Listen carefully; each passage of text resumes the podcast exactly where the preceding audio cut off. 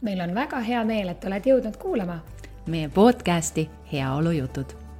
mina olen Silja. ja mina olen Kristi. kutsume sind kuulama ja kaasa mõtlema. aitäh, et oled meiega. no nii, juhuu, tere, Kristi. tere, Silja. ja meil on viiekümnes episood. ja nagu me siin, kuna me teeme samal ajal ka laivi, on ju, Facebook laivi, siis, siis me juba ütlesime, et tegelikult meil on nüüd ka aasta täis, mis on väga-väga-väga-väga-väga põnev teekond olnud. ja laivis sa juba mainisid ka pisut, et, et sina oled väga õnnelik selle arengu üle, mis sa ise oled teinud ja me oleme tegelikult podcast'is mitu korda rääkinud ka, et sa oled äh, ise ka märganud, et on äh, tulnud nii hirmud ja kõik muud toredad asjad sealt välja, mida sa avastama oled hakanud. aga kui sa peaksid ütlema nagu ühe sellise väljakutse, mis selle selle viiekümne episoodi jooksul sinule võib-olla tulnud, mis asi see võib olla? Ma mõtlesin, et ma alustan sedapidi. see on nii lihtne öelda no., õigeks ajaks, kokkulepitud ajaks kohale jõudmine ja mul see endiselt ja mida rohkem, tead, ma äh, avastasin nagu täna seda, et mida rohkem ma pingutan, seda kehvemini see nagu välja kukub. ehk siis äh, mingis mõttes siis toimib nagu see, et äh, tead, õppimisega tuleb tihtipeale see välja, et mõned ütlevad, et ma nagu üldse ei pidanud väga pingutama ja lihtsalt cum laude tuli või, või, või lihtsalt need äh, kõik viied tulid, siis ähm, jah, see on olnud kõige suurem väljakutse üldse? Äh, see on üks hästi, hästi tore asi, mis sa välja tood, et mida rohkem ma pingutan, seda vähem mul see välja tuleb. ega tegelikult ju selle, ma arvan, et kui me mingeid asju õpime, siis mida rohkem me vastu surume, seda rohkem surutakse ka teiselt poolt vastu. nii et siin on võib-olla mingisugune selline vahva märkamiskoht, et, et kas peab pingutama sellega et mida sa iseendale tekitad sellega, kui sa pingutad tegelikult. et me rääkisime võib-olla eelmises episoodis äh, meiega ka natukene sellest, on ju ja, ja lihtsalt, mis mul praegu väga kõrva jäi, on see ja ma toon, kuna meid on ju, vaadatakse laivis ka on ju, siis seal on eriti hea vaadata, kui sa paned käe ette, suru käega, nagu hakka suruma, mõtled, sa surud, ülakeha ei liiguta, aga hoia kätt ees ja suru, suru mm. -hmm. ja mina surun sulle vastu. Kau-, kaugele me nüüd jõuame siit nüüd siis? no kaugele me jõuame? no keskele jääme püsima. jääme püsima, sest et mina surun ja sina surud. see tähendab, et kogu aeg surutakse vastu ja mitte midagi ei juhtu. kui nüüd mina aga olen tark ja hakkan, sina surud edasi, hakkan eest ära liikuma, siis ma võin sind kuhu iganes liigutada. ehk siis see, kui sa surud millestki, millelegi nagu vastu, et sinu jaoks ei ole see, ütleme, õigeks ajaks jõudmine kerge, jah, sest et sa näed aega teistmoodi, see on jumala okei okay. aga sa ise tekitad sellega kõige rohkem stressi endale, sest mitte keegi teine ümber ei tekita, on ju ja siis, mida rohkem sa surud, mida rohkem sa pingutad, ma pean, ma pean, ma pean, seda vähem sa jõuad ja seda rohkem sa stressi lähed. ehk siis selle pingutuse koha pealt kõige olulisem asi aru saada on see, et ära suru vastu. vaid liigu voolus mm. -hmm ja kui sa õpid selle selgeks, et noh, kui me nüüd räägime siin hästi metamaailmast, on ju, või sellest, ütleme siis äh, sellisest äh, universumist, siis põhimõtteliselt ju aeg ja ruum on olematu. ja tead, ehm, no ühesõnaga podcast'i kuulajad seda ei kuulnud ennem, sellepärast ma pean selle veel ära mainima, et ma siis eile õhtul oli selline mõnus ärevus, teades, et täna me lindistame ja teeme laivi ja, ja mõtlesin kõige, kõige selle toreda peale, mis me oleme siis siin aasta aega teinud ja siis mõtlesin, ma tahaks Silla käest, mida ma tahaks Silla käest küsida. ja muuseas, sa praegu tõid selle, selle metatasandi ja mina tahtsingi sinna teemani jõuda ja näed, sa võtsidki selle ise ülesse. sellepärast, et eh, Silja, sina sellel aastal eh, tegelikult ju peaaegu podcast'iga, mitte päris samal ajal, aga suht-koht seal alguses, on ju, hakkasid käima selgeltnägijate koolis no,. see kõlab alati nii, nagu mul oleks mingi voodoo naine vaata jaa, aga siis vaata, Ülari käis meile äh, mhm. podcast'is ja, ja Ülar ja, ja see, kuidas me vaata kõik seal nagu ähm, puudutasime, rääkisime.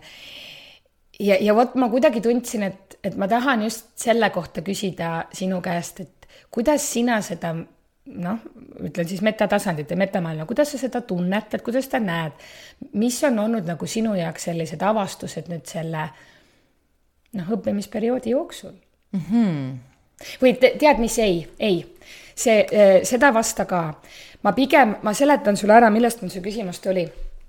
ma eile õhtul enne magamaminekut, noh, panin tuled seal kustu ja siis korraks, kas käis mingi raksatus või midagi, võib-olla ma kujutasin seda ka ette, aga lihtsalt ma mõtlesin, okei okay,, et aga tegelikult vaata, ma ei olegi ju siin üksi, on ju, tegelikult on veel igasugu olendid igal pool ja ja siis ma korraks nagu tundsin, kui ma liiga palju selle peale mõtlen, siis see natukene on selline nagu spooky veits ja siis mõtlesin, okei okay,, ma peaks nüüd küsima homme tegelikult vaata Silja käest võiks ka küsida selle kohta.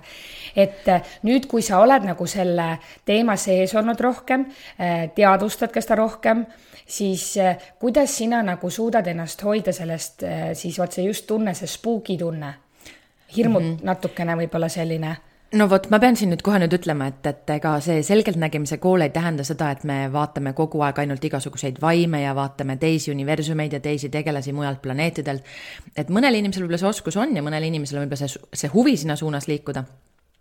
ent, ent me ei tegele nagu ainult sellise asjaga isiklikust seisukohast, mis ma, mis ma nagu selle kõige peale ütlen, siis et äh, mina ei näe eri, noh, ma ei ole nägija tüüp, ehk siis, et Ülari vaata rääkis ka, et ega selgelt nägemine ei tähenda nägemist alati, et see on teinekord mingisugune selline teadmine võib-olla on ju, et paljud on teadjad, paljud näevad, paljud saavad selle kuskilt muud moodi hoopis mingit, mingite harjutuste või, või vahenditega kätte.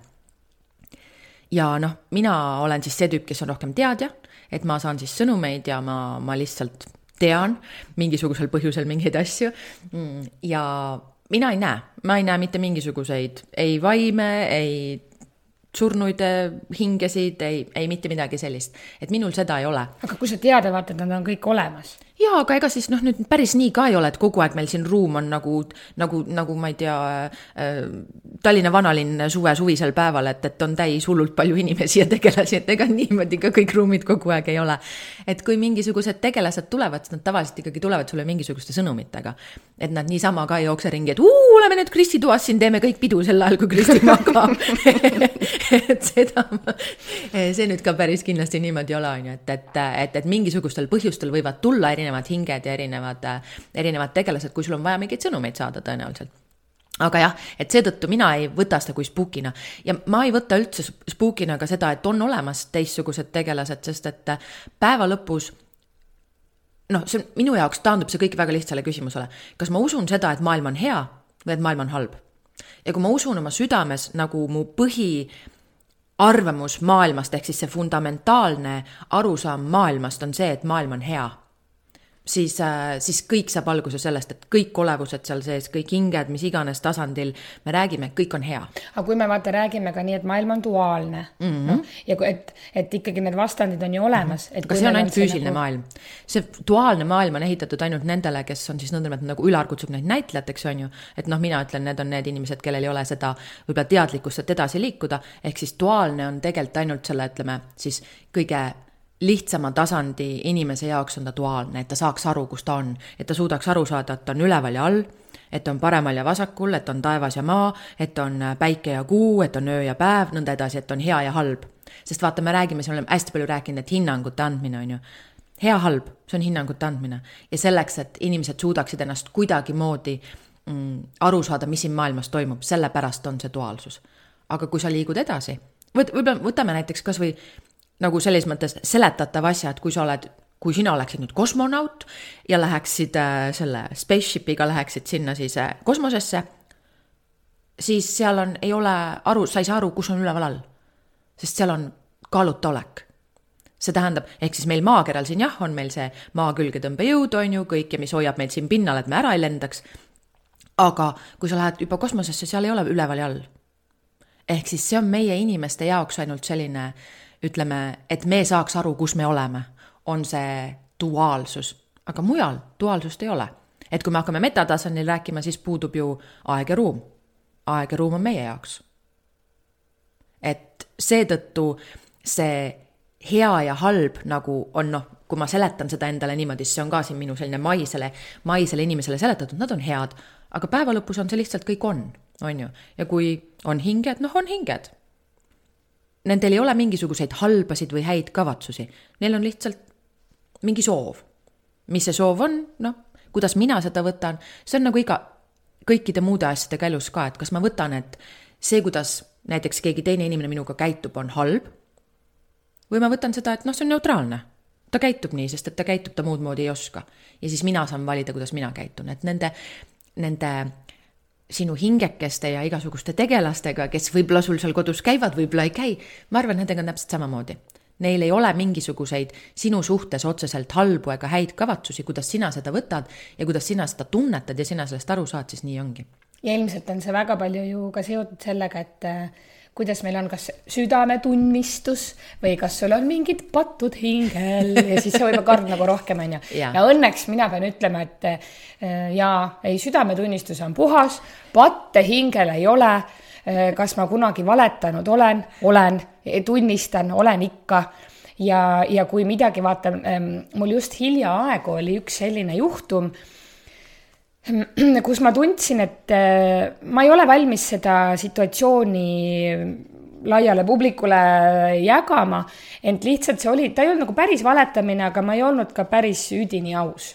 ja ma ärkasin öösel ülesse tohutu kõhuvaluga. ja täiesti selline, tekkis selline minestamise tunne ja külm higi ja, ja siis ma lihtsalt hingasin, ma, ma, ma mõtlesin, no okei okay,, ma ei mõelnud, ma suren ära sest surma ma ei karda. lihtsalt noh, ma olin nagu veits mures, on ju, et, et mis nüüd juhtuma hakkab või mis värk on. Mm, ent äh, hingamine aitas ja hommikul siis ärgates, lõpuks ka siis voodisse tagasi jäädes, hommikul ärgates see kõik oli kadunud. aga see oli hästi hea, vaata, me sinuga arutasime seda ka ja, ja siis sa just küsisidki, et noh, et kas äkki oli mingisugune emotsioon, esimene vastus oli mul ei, mitte midagi ei olnud, on ju. aga siis, kui hakkad nagu minema sinna sisse, et kust need asjad tulevad.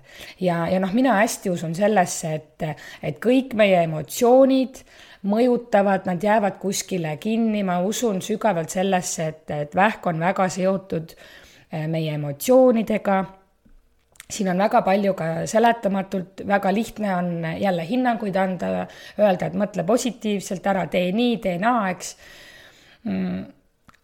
Ent see, kuidas me mõtleme, kuidas me ennast tunneme, et see on, miks meil on, miks meie podcast'i nimi on Heaolujutud, ongi ju sellepärast, et inimestesse rohkem tuua seda, seda mustrite märkamist, oma mõtete märkamist ja võib-olla siis ka teistsuguste valikute tegemist, et nii hästi mäletad, kui kui Kaidi käis ja, ja ta nii toredasti ja pikalt kuidagi seletas seda, et kuidas sa lähed seda ühte rada, et inimesed on harjunud ühte rada minema.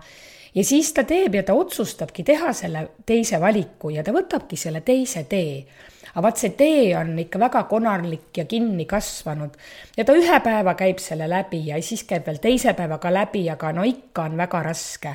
ja siis ta ärkab ülesse ja see ilm ei ole nii ilus ja ta otsustab, et ta ikkagi läheb sinna vanale sisse käidud rajale tagasi. oleks kergem mm. -hmm. jep, et, et see on olnud võib-olla ka selline ähm, võib-olla mõnes mõttes nagu tore avastus, ahaa-efekt, et, et kui me ütleme ütleme inimestele, et noh, et aga otsusta teistmoodi, proovi midagi muud, siis isegi see otsuse tegemine ja, ja selle sammu tegemine, no näiteks väga lihtne on ju treeneritena ka, et mine trenni, hakka trennis käima, ju, okei okay,, ma lähen. noh, tulebki, on ju.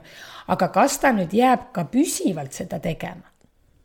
Et vot see ilmselt ongi kõige raskem. see oli minu jaoks selline hästi tore ka selline avastus, et jaa, et ainult sellest otsustamisest ka ei piisa.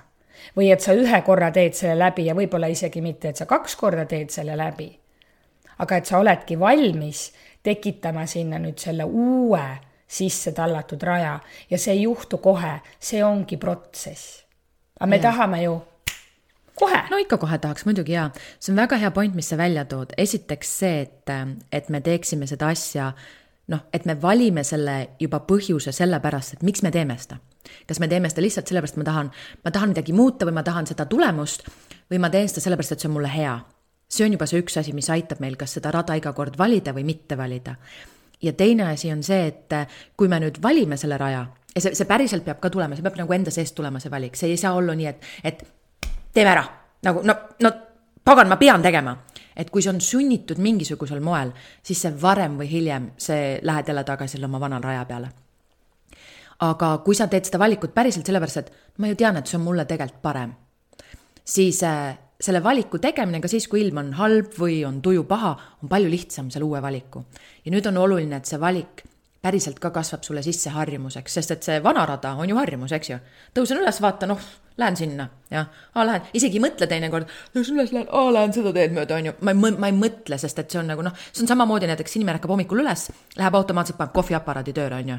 sest et see on talle nagu noh, see on sisse harjunud. Või et ma ei tea, noh, mis iganes tegevusi keegi teeb, on ju, et võtab telefoni, see on ka harjumus. Aga et teha seda teist harjumust, nüüd on see oluline, et sa teed seda teatud perioodi järjest. mitte nii, et ma teen täna, siis teen viie päeva pärast uuesti võib-olla, siis läks meelest jälle ära, teen näiteks seitsme päeva pärast jälle uuesti, siis, siis juba, ah noh, nüüd lägi, nüüd juba läkski, on ju. vaid et ma tegelikult teen seda alguses teadlikult.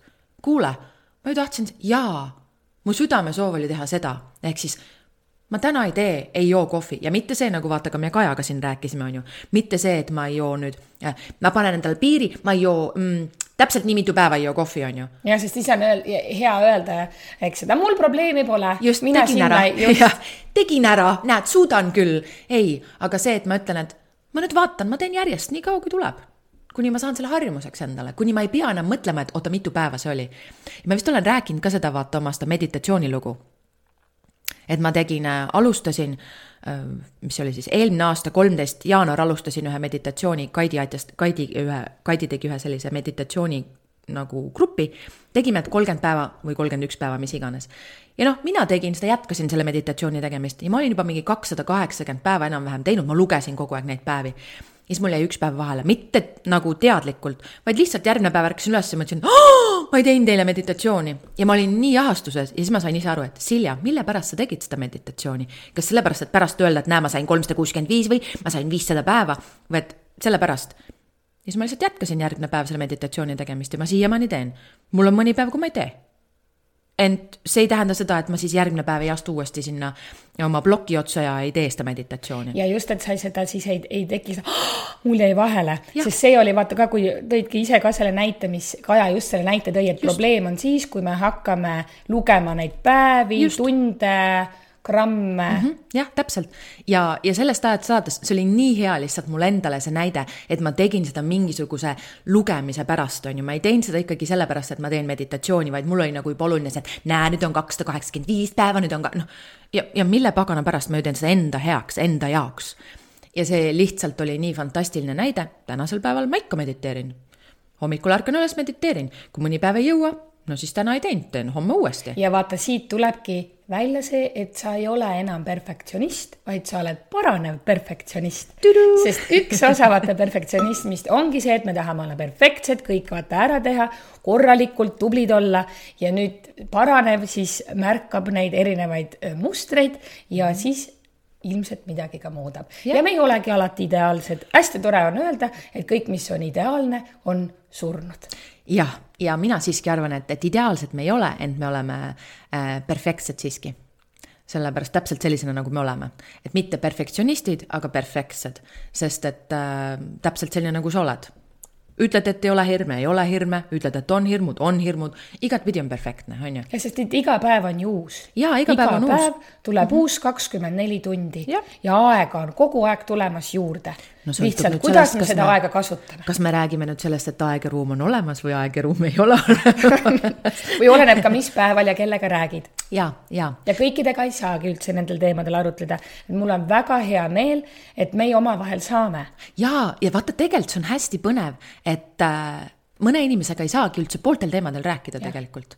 Et sa ei teki nagu seda oskust, et sa võid minna sisse ükskõik mis teemasse või no mis oskust, et ei olegi nagu sellist ühe, ühendust või, või nagu noh, inimesel ei ole see huvi, on ju, et minna erinevatesse teemadesse sisse. ja mina olen väga tänulik, et sul on see huvi minna noh, tõepoolest kõikidesse teemadesse sisse, et olgu siis räägime seal, ma ei tea, mingil metatasandil kuskitel teistest universumitest, on ju. või et räägime siis äh, sellest, mis su sees toimub või räägime siis sellest, et, et kui ilus uus kleit mul täna on või mis iganes, et, et me saame kõikidest teemadest tegelikult rääkida ja et see ei ole pinnapealne vaid et tegelikult ka, et sul on huvi, mul on huvi ja loodetavasti siis meie toredatel kuulajatel ja täna siis ka vaatajatel on, on huvi ja ähm, tahtmine sinna teemadesse sisse minna. Sest et üks hästi oluline asi, mida, mis mulle ka tegelikult väga-väga meeldib ja noh, kui me siin oleme siin selle viiekümnendas podcast'is ja aastases on ju äh, tähistamises, siis mulle meeldib, et meie paljud meie kuulajad kirjutavad tagasi, ütlevad, et kuule, see oli tore või see pani mind mõtlema või, või et mul mõnikord, teinekord tulevad toredad, kas siis, kas sugulased või sõbrad tulevad kui me kohtume, räägivad, et kuule, tead, ma kuulasin seda podcast'i, ma nüüd hakkasin kohe selle asja peale mõtlema, et see on nii vägev, et te tegelikult meiega kaasa mõtlete. jaa, hästi suur aitäh, et see on olnud äh, minul nagu täpselt sama, et kus äh, on äh, sellised isegi võib-olla mitte niivõrd nagu inimesed väga lähedalt, kellega igapäevaselt ei suhtlegi, eks, on, on kirjutanud, kuule, et kuulasin teie podcast'i ja nii palju toredaid mõtteid sain ja või et juba kolm podcast'i olen ära kuulanud ja siis mul üks kursaõde nii vahvasti kirjutas, et tead, ma annan sulle ka märku, et kuna sinu nimi käib meie kodus nagu tihti vestlustest läbi, et minu elukaaslane kuulab väga huviga teie podcast'i, ma mõtlesin, vot kui tore on ju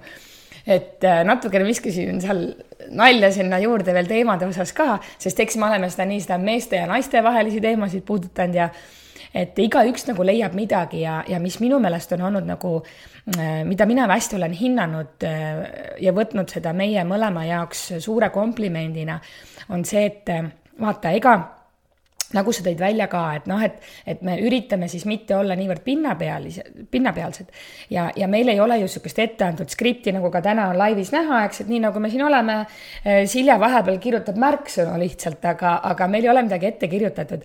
ja, ja kui tulevad vahel ikkagi ju tegelikult täiesti võõrad inimesed, siis nad avavad ennast, nad, nad jagavad meiega tihti ka selliseid lugusid, mida nad ise ütlevad, nad ei olegi nagu varem jaganud. ja, ja võib-olla vahel seal tekibki selline, et oi, et äkki ma rääkisin liiga palju.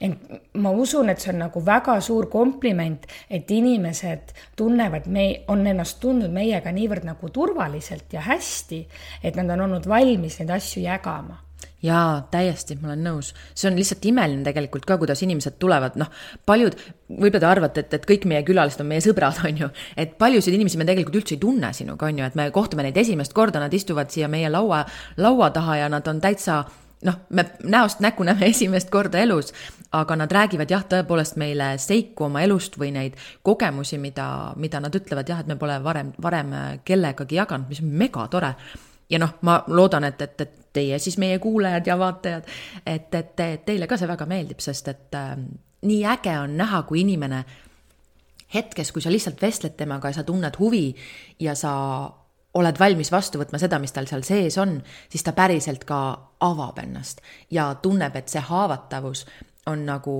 okei okay selles hetkes lasta sellel haavatavusel välja tulla, on ju. et see on minu jaoks nii, nii ilus. noh, joonistades siin pilti, siis kujutadki ette täpselt, kuidas see väike roosinupukene läheb lahti, on ju, ja siis lihtsalt naudid seda lõhna ja seda ilu, mis sealt tuleb, et see on jah, see on väga-väga suur kompliment ja see teeb alati mulle, ma iga kord, kui me lõpetame podcast'i ja isegi kui me sinuga kahekesti lõpetame podcast'i, sest et noh, päeva lõpus, ega me ka ju räägime ikkagi väga sügavatel teemadel. siis ma alati mõtlen, et vau wow,, see on nii uh, rewarding, et see on nagu nii uh,, mis see eesti keeles siis see rewarding on, see ei ole nagu väga ilus sõna minu arust see, see mingi. nojah, reward on nagu auhind, eks, aga, aga see on kuidagi siis um, mina ei tea, see on nagu nii pai tegev kuidagi, nagu tunnen alati, et see on nii imeline, kui, kui saab südamest südamesse vestelda lihtsalt, sest et seda noh, õnneks minul on ka sellised sõbrad, kellega, sõpradele siin äh, lehvitused on ju, et õnneks minul on ka siin ka ikkagi sellised sõbrad, kellega ma saan seda, aga ma ju tean, et paljudel inimestel võib-olla ei ole just neid sõpru, kellega nad saaks niimoodi südamest südamesse rääkida, ma ei tea, universumitest ja hingedest ja ähm, ma ei tea, tuvihirmudest on ju ja noh, mis iganes, armastusest ja muust asjast. ja, ja vaata, eks ähm, üleüldiselt on inimestel üsna raske tunnistada oma hirme, sest et äh, kui sa oma hirme tunnistad, siis äh, sa ju mingis mõttes ütled ka, et, et sa ei olegi nüüd ideaalne mm -hmm. või et natukene. äkki ma ei meeldi teistele. äkki ma ei meeldi mm -hmm. teistele mm. -hmm. ja see on olnud hästi tore, et äh, et me oleme saanud panna, ma loodan, ka inimesi rohkem mõtlema nendele teemadele. ja vaata, minu jaoks on kõige toredamad ja see ei ole ainult minu jaoks, ma usun, et see on kõikide jaoks, et, et ikkagi äh, noh, me saame kõik raamatuid lugeda, rääkida, et kuidas on nagu õige, aga tuua välja läbi oma kogemuste, rääkida neid omi lugusid, tuua ka välja näid, neid näiteid, kus sa näitadki, et sa oledki haavatav ja, ja sa ei ole ideaalne kogu aeg. Oled, oled perfektne, oled, oled.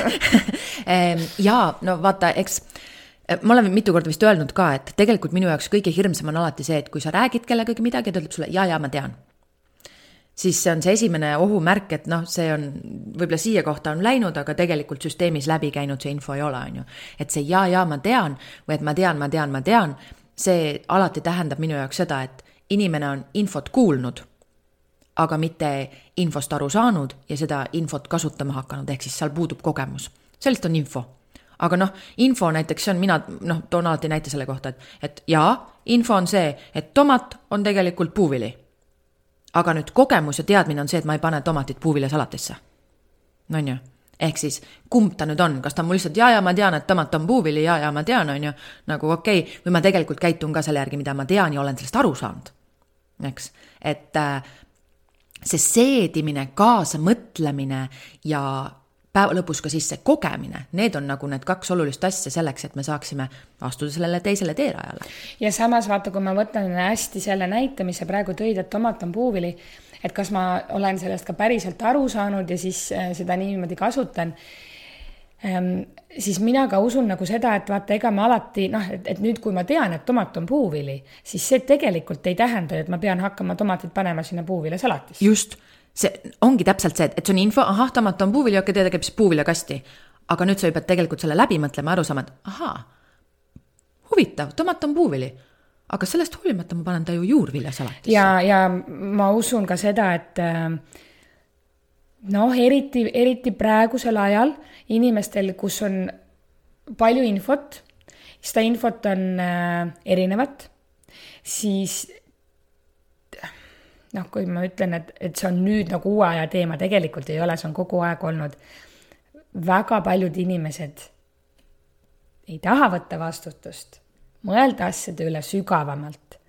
ja just, et kui sa tead, esiteks on kergem üldse mitte teada. siis sa lihtsalt, on ju, sest siis ei tundu nagu midagi, et läks kuskile valesti mm. -hmm. ent siis, kui sa ka tead, et mis siis valikut teha, nii et sa nii-öelda vaata see hirm seal teha seda valet valikut. no see on nagu Pandora kast, on ju, või see laegas, et kui sa, kui sa nagu hakkad seda arutama, siis sealt tuleb ja tuleb ja tuleb. Ja ma arvan, et või noh, teistpidi võib seda öelda ka nii, et, et äh, mulle tundub, et paljudel inimestel on nagu nii, et neil on käes viiskümmend palli ja nad žongleerivad kogu aeg selle viiekümne palliga, on ju. ja nüüd on hirm, et kui ma juhuslikult nüüd vaatan mujale, siis kukub üks pall ja kui kukub üks pall, ma hakkan teda võtma, siis kukuvad kõik pallid. ja noh, ega päeva lõpus see on tegelikult õige. et nii ongi, kui su, ütleme, see kaardimajake või, või mingi kui sinu elu on üles ehitatud mingisugusele baasasjale, mis võib-olla ei ole see, mis sulle enam meeldib, siis kui sa selle vundamendi sealt alt ära võtad, loomulikult kukub kõik kokku. kui tore asi on see, et kui ta kokku kukub, siis on võimalik üles ehitada ja on võimalik üles ehitada selline majakene äh, nagu see, mis on see nahv-nahvi majakene on ju, et see viimase, viimase põrsakese maja, mida siis hunt enam ei saanud äh, ümber kukutada puhudes et on võimalik ehitada maja, mis tegelikult sulle töötab ja mis on tugev ja mis on sinu unistuste maja. no vot, ja siis me jõuame selleni, et, et lihtsalt kui noh, inimestel on niivõrd need hirmud ja kui sa oled seal väga nagu augus, siis sa, sa ei, sa ei mõtle niimoodi, et sealt on nüüd võimalik üldse välja ronida ja hakata siis seda uut maja ehitama. muidugi sellepärast me ju räägimegi seda eh, oma podcast'is kogu aeg ja kordame teistmoodi ja teeme teistsuguseid nagu näiteid ja toome teistsuguseid külalisi. et kõige olulisem on ehitada maja üles siis, kui sa oled rahuhetkes. Et siis, kui sa juba oled auku kukkunud, siis maja üles ehitama hakata, sa pead ju kõigepealt sealt august välja saama, on ju, ja siis sa saad alles majast hakata, maja ehitama hakata. et tegelikult on see, et kui sul ei ole praegu mingisuguseid hulle väljakutseid su elus, siis ongi õige aeg hakata neid asju muutma sest et siis, kui on midagi kehvasti, siis hakata maja üles ehitama, no see, see, sul on vaja nii palju energiat selleks, et tegeleda sellega, et sa jõuaksid sinna nullpunkti, et sa oleksid taas rahus, on ju.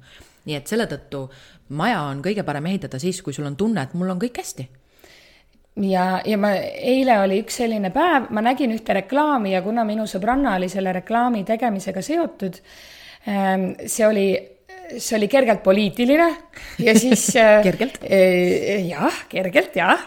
ja siis tekitas minus kohe nagu huvi, ehk ma läksin siis äh, uudiseid lugema.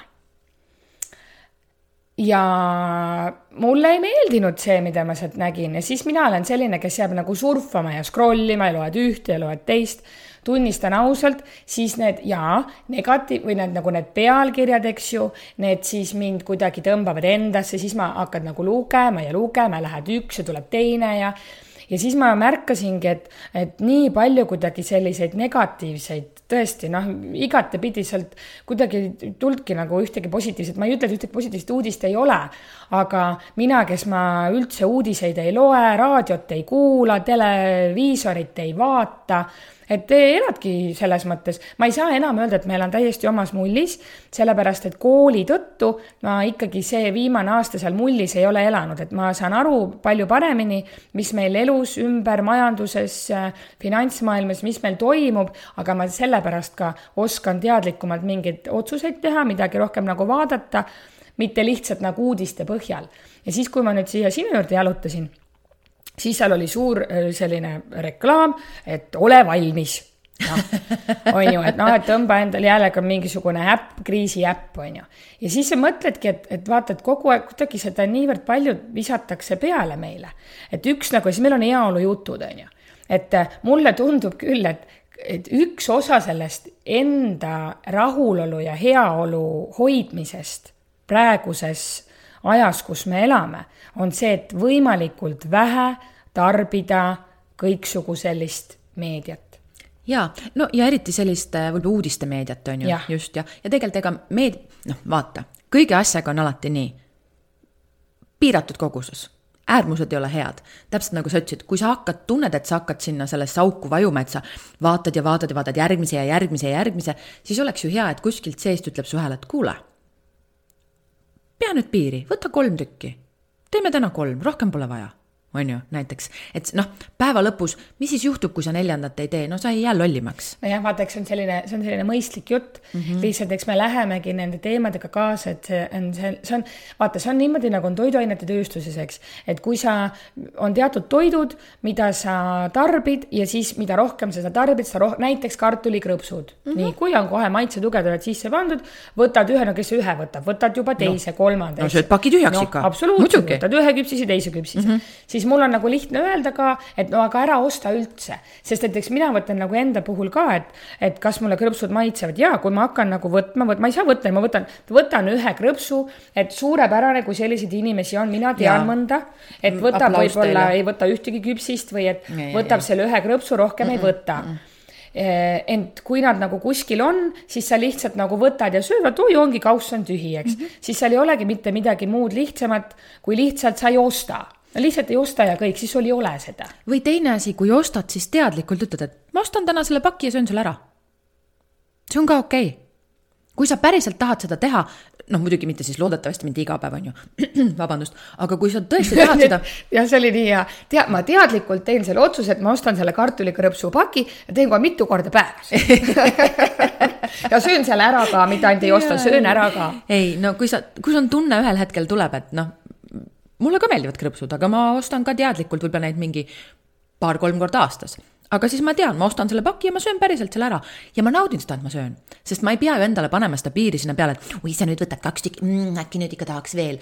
loomulikult nad ongi täpselt nagu sa ütled, nad on tehtud selleks, et nad maitsevad ja nad tekitavad sõltuvust ja sa tahad veel ja veel ma tean seda, ma söön selle paki ära ja olen rõõmus, et see pakk sai otsa ja nüüd ma rohkem ei pea selle peale mõtlema. mis sa arvad sellisest väitest, et kõik head asjad tekitavad sõltuvust? Ehm, ma arvan küll, ma arvan küll. nüüd lihtsalt on küsimus see, et kas me oleme teadlikud sellest ja kas me läheme sellega kaasa. on ju, armastus tekitab ka sõltuvust, me rääkisime, suhted tekitavad sõltuvust, aga kas sa lähed suhtesõltlaseks või sa oskad teadlikult valikuid teha? et see, et tekitab sõltuvust, ei pea tähendama, et sul tekib sõltuvus. Ja, ja vaat siin ongi see selline ka nagu veel hea näide tuua, et äh, mul on üks hästi tore klient, hästi armas klient, kes äh, on siin väga suure kaalukaotuse läbinud. Ja, ja just läbi selle, et ta on teadlikud valikuid teinud, ent kui tal oli siin selline madalam seis, siis äh, ta sõi kolm, ta polnud üldse söönud magusat. Ja ta sõi kolm tükki šokolaadi. E, ja noh, ühesõnaga ta kirjutaski, ma sõin kolm šokolaadi, onju.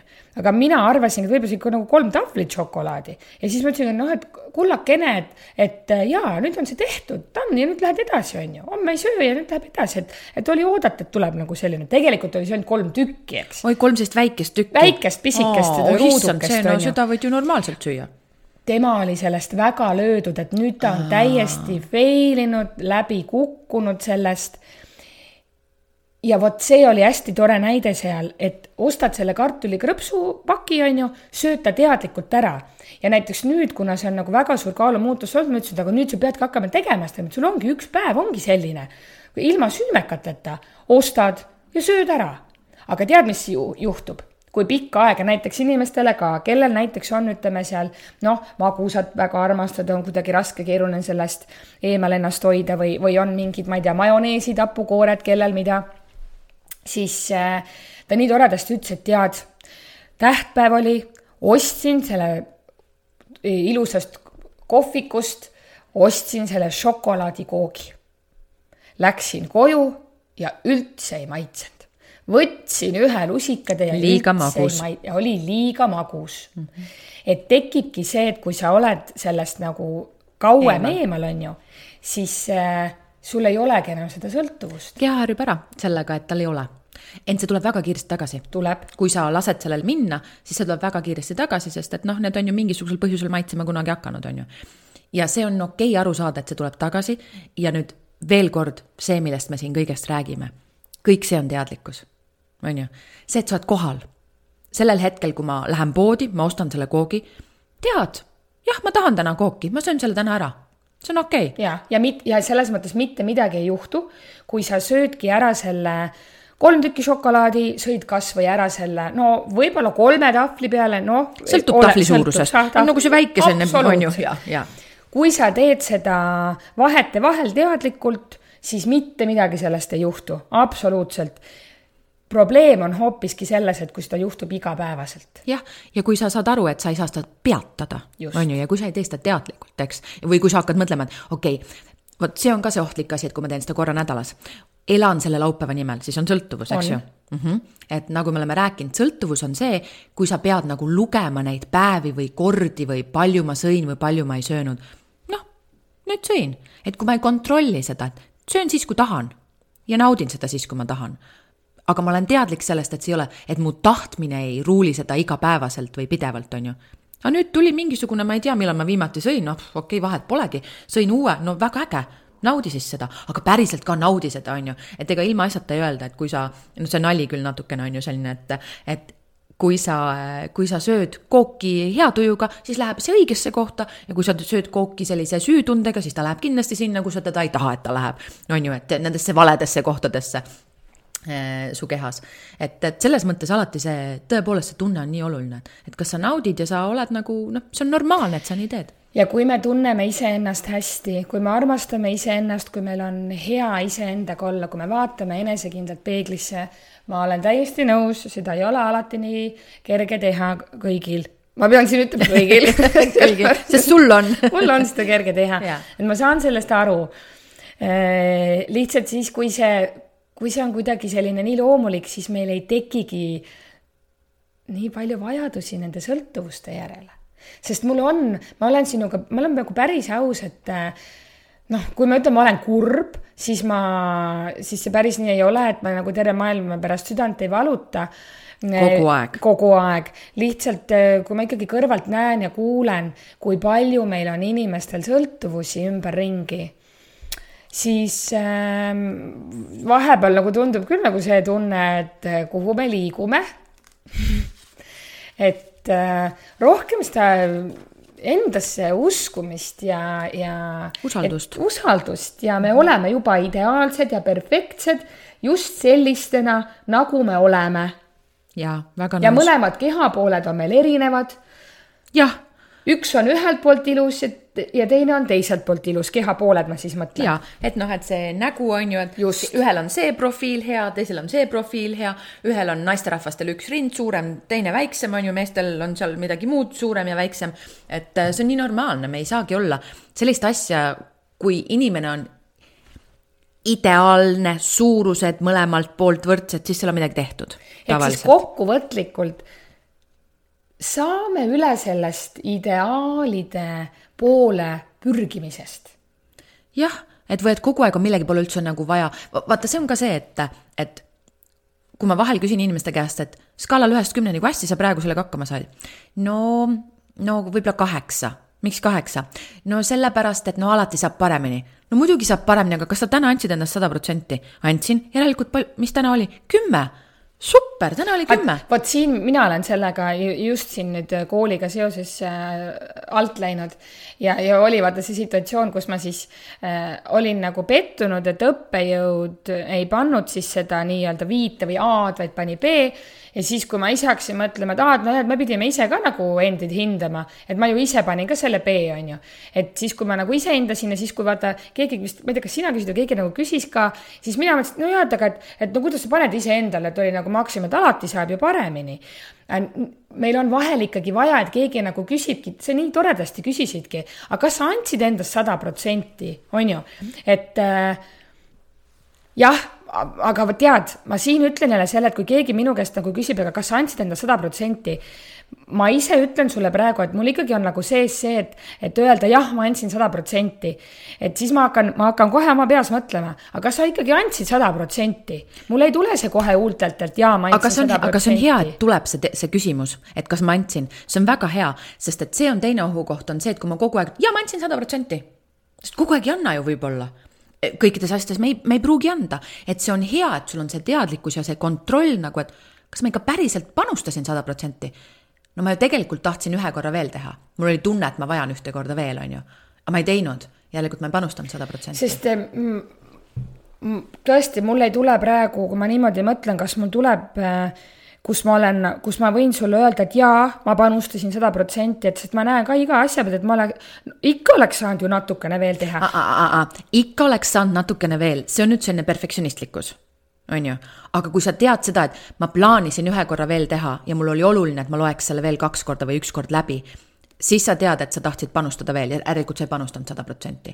aga kui sa lihtsalt mõtled, no alati saaks ju rohkem ähm, siis mitte. et kui sa iseenda sees vaata, ütleme, et mul on homme test või mis iganes asi, siis homme mingi tähtis asi ja ma tean, et ma tahan vot nüüd selle korra läbi lugeda ja selle asja ka veel üle vaadata ja selle üle vaadata ja kui ma teen seda, siis ma olen ju panustanud sada protsenti.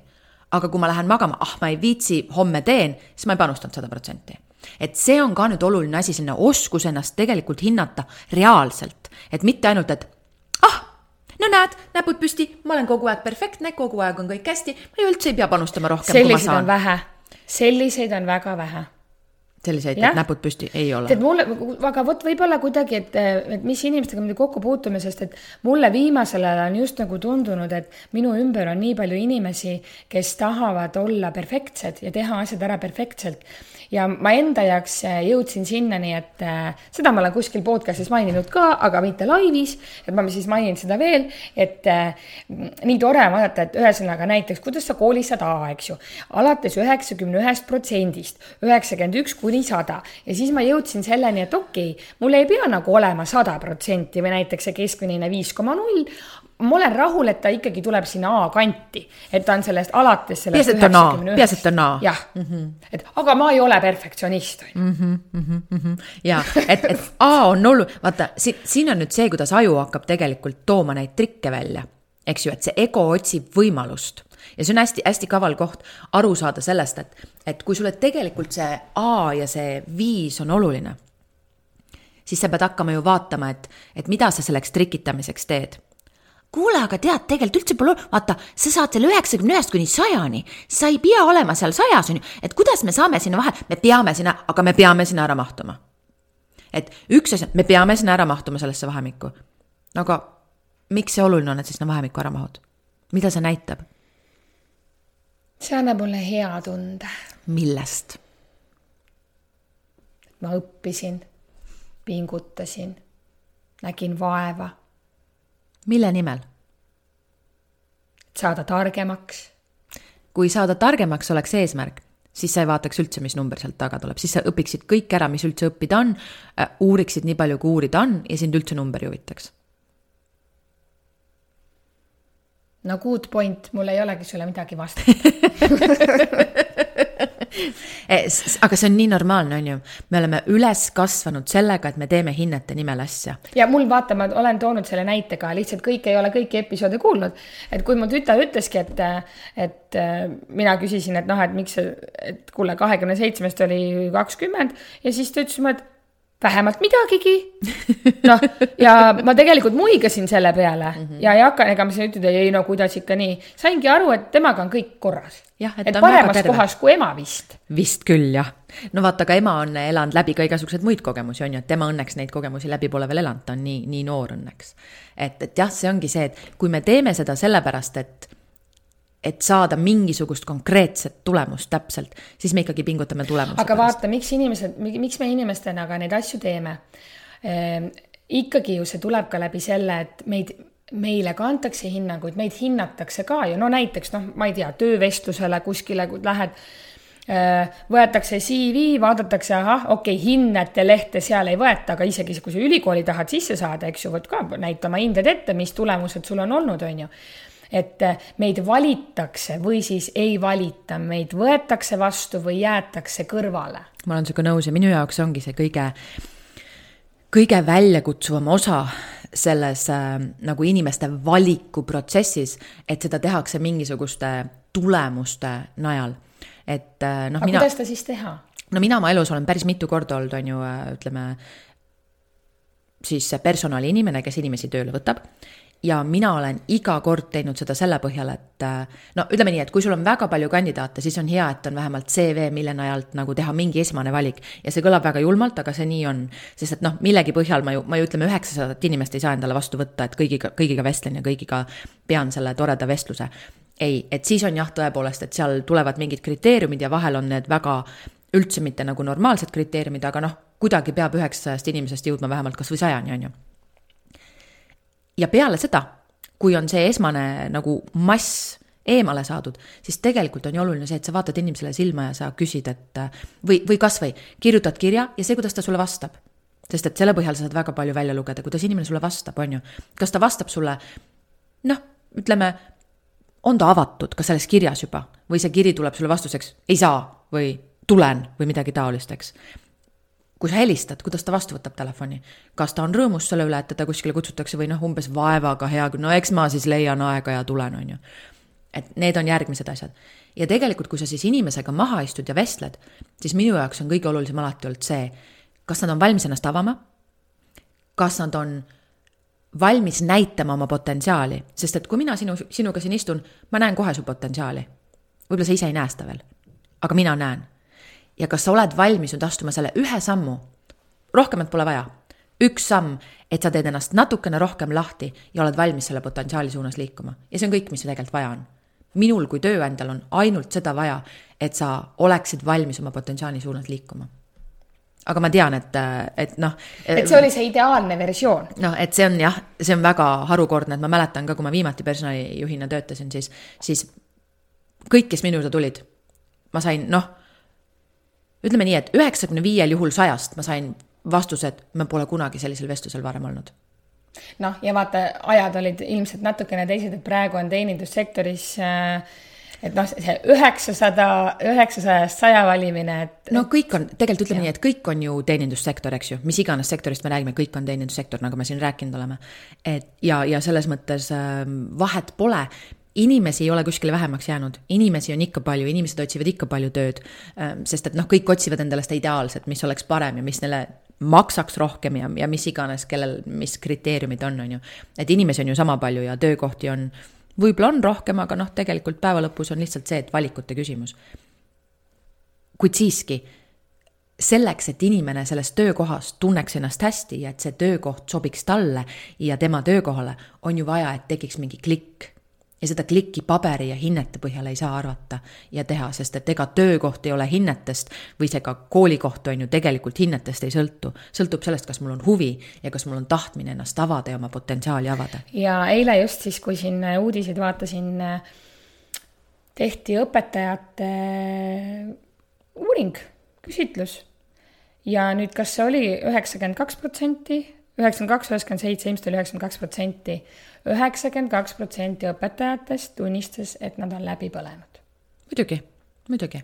ja noh, et seal toodigi välja, et, et see on nagu niivõrd suur protsent, et see oli nagu kõikide jaoks üllatav, eks kõikide jaoks üllatav, äh, noh kui õpetaja peab tööl olema hommikul, kui kool hakkab paljudes kohtades kaheksa, on ju, kui õpetaja peab ennem seda tööl olema iga hommik esmaspäevast reedeni või noh, ma ei tea palju, kuidas neil need, arvatavasti esmaspäevast reedeni.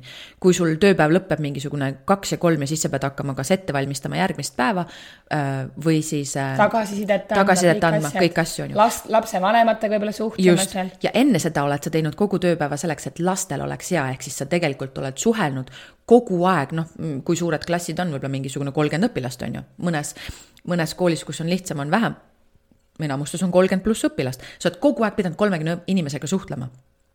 paljudel meil selline töökoht on, kus me peame kogu aeg kella kaheksast kella, ma ei tea, kolmeni suhtlema kolmekümne õpilasega. väga vähestel, eks. et kui pingeline juba see iseenesest on ja nüüd sa pead hakkama seda tööd veel tegema, sest et ega see ju ei ole nagu töö siis on ju, et kui sa õpilastega oled ja neid, neid tegelikult motiveerid ja inspireerid ja, ja toetad ja, ja vahetevahel ka siis äh, kutsud korrale ja distsiplineerid ja nõnda edasi, on ju et nüüd ja nüüd siis tööpäev jätkub. noh, aga vaata, vot siis me nendimegi nii-öelda seda fakti, eks ju, et, et hindeid ju pannakse, meid hinnatakse läbi siis erinevate nende hinnangute. samal ajal hakkad mõtlema, et kui suurem osa, et enamus õpetajatest tunnistavad, et nad eh, kas on või on mingil hetkel olnud läbi põlenud need on ju ka need inimesed, kes ju õpetavad, eks ole, reaalselt, mis keskkonnas me siis oleme, kuidas seda kõike muuta, sest et okei okay,, me võime öelda nii, et esimene muudatus algab sinust enesest, ent me oleme selle süsteemi osa. jah, siin ongi see, ma arvan, see, see miljon dollar küsimus on ju, et, et kuidas me teeme seda, sest et kõik saab alguse minust enesest ent kogu süsteemi ma ainsana üksipäini muuta ei saa, selleks on vaja, et teised ka alustaksid iseenesest ma arvan, et see on tegelikult. selline hea mõttekoht meile kõigile. jaa. võib-olla mõnel on äh, mõni väga hea põnev mõte. jagage meiega. siis saab jagada meiega mm. -hmm jaa, et ma arvan, äh, põhimõtteliselt see on ka hea koht, kus, kus meie tänane episood äh, kokku tõmmata. et kui me kõik alustame iseendast, siis milliseid muudatusi meil on võimalik teha ka nii süsteemides kui maailmas? mulle sobib mm.. nii äge. Kristi, mina südamest tänan, et need viiskümmend episoodi on äh, meil nüüd tänaseks purgis, see on äh, olnud väga-väga-väga-väga vahva teekond. Äh, aitäh sulle, et sa sellele koos minuga tulnud oled ja aitäh meie kuulajatele, et te olete vastu pidanud ja loodetavasti me liigume edasi väga mitmete episoodide juurde. aitäh, Silja. järgmise toreda korrani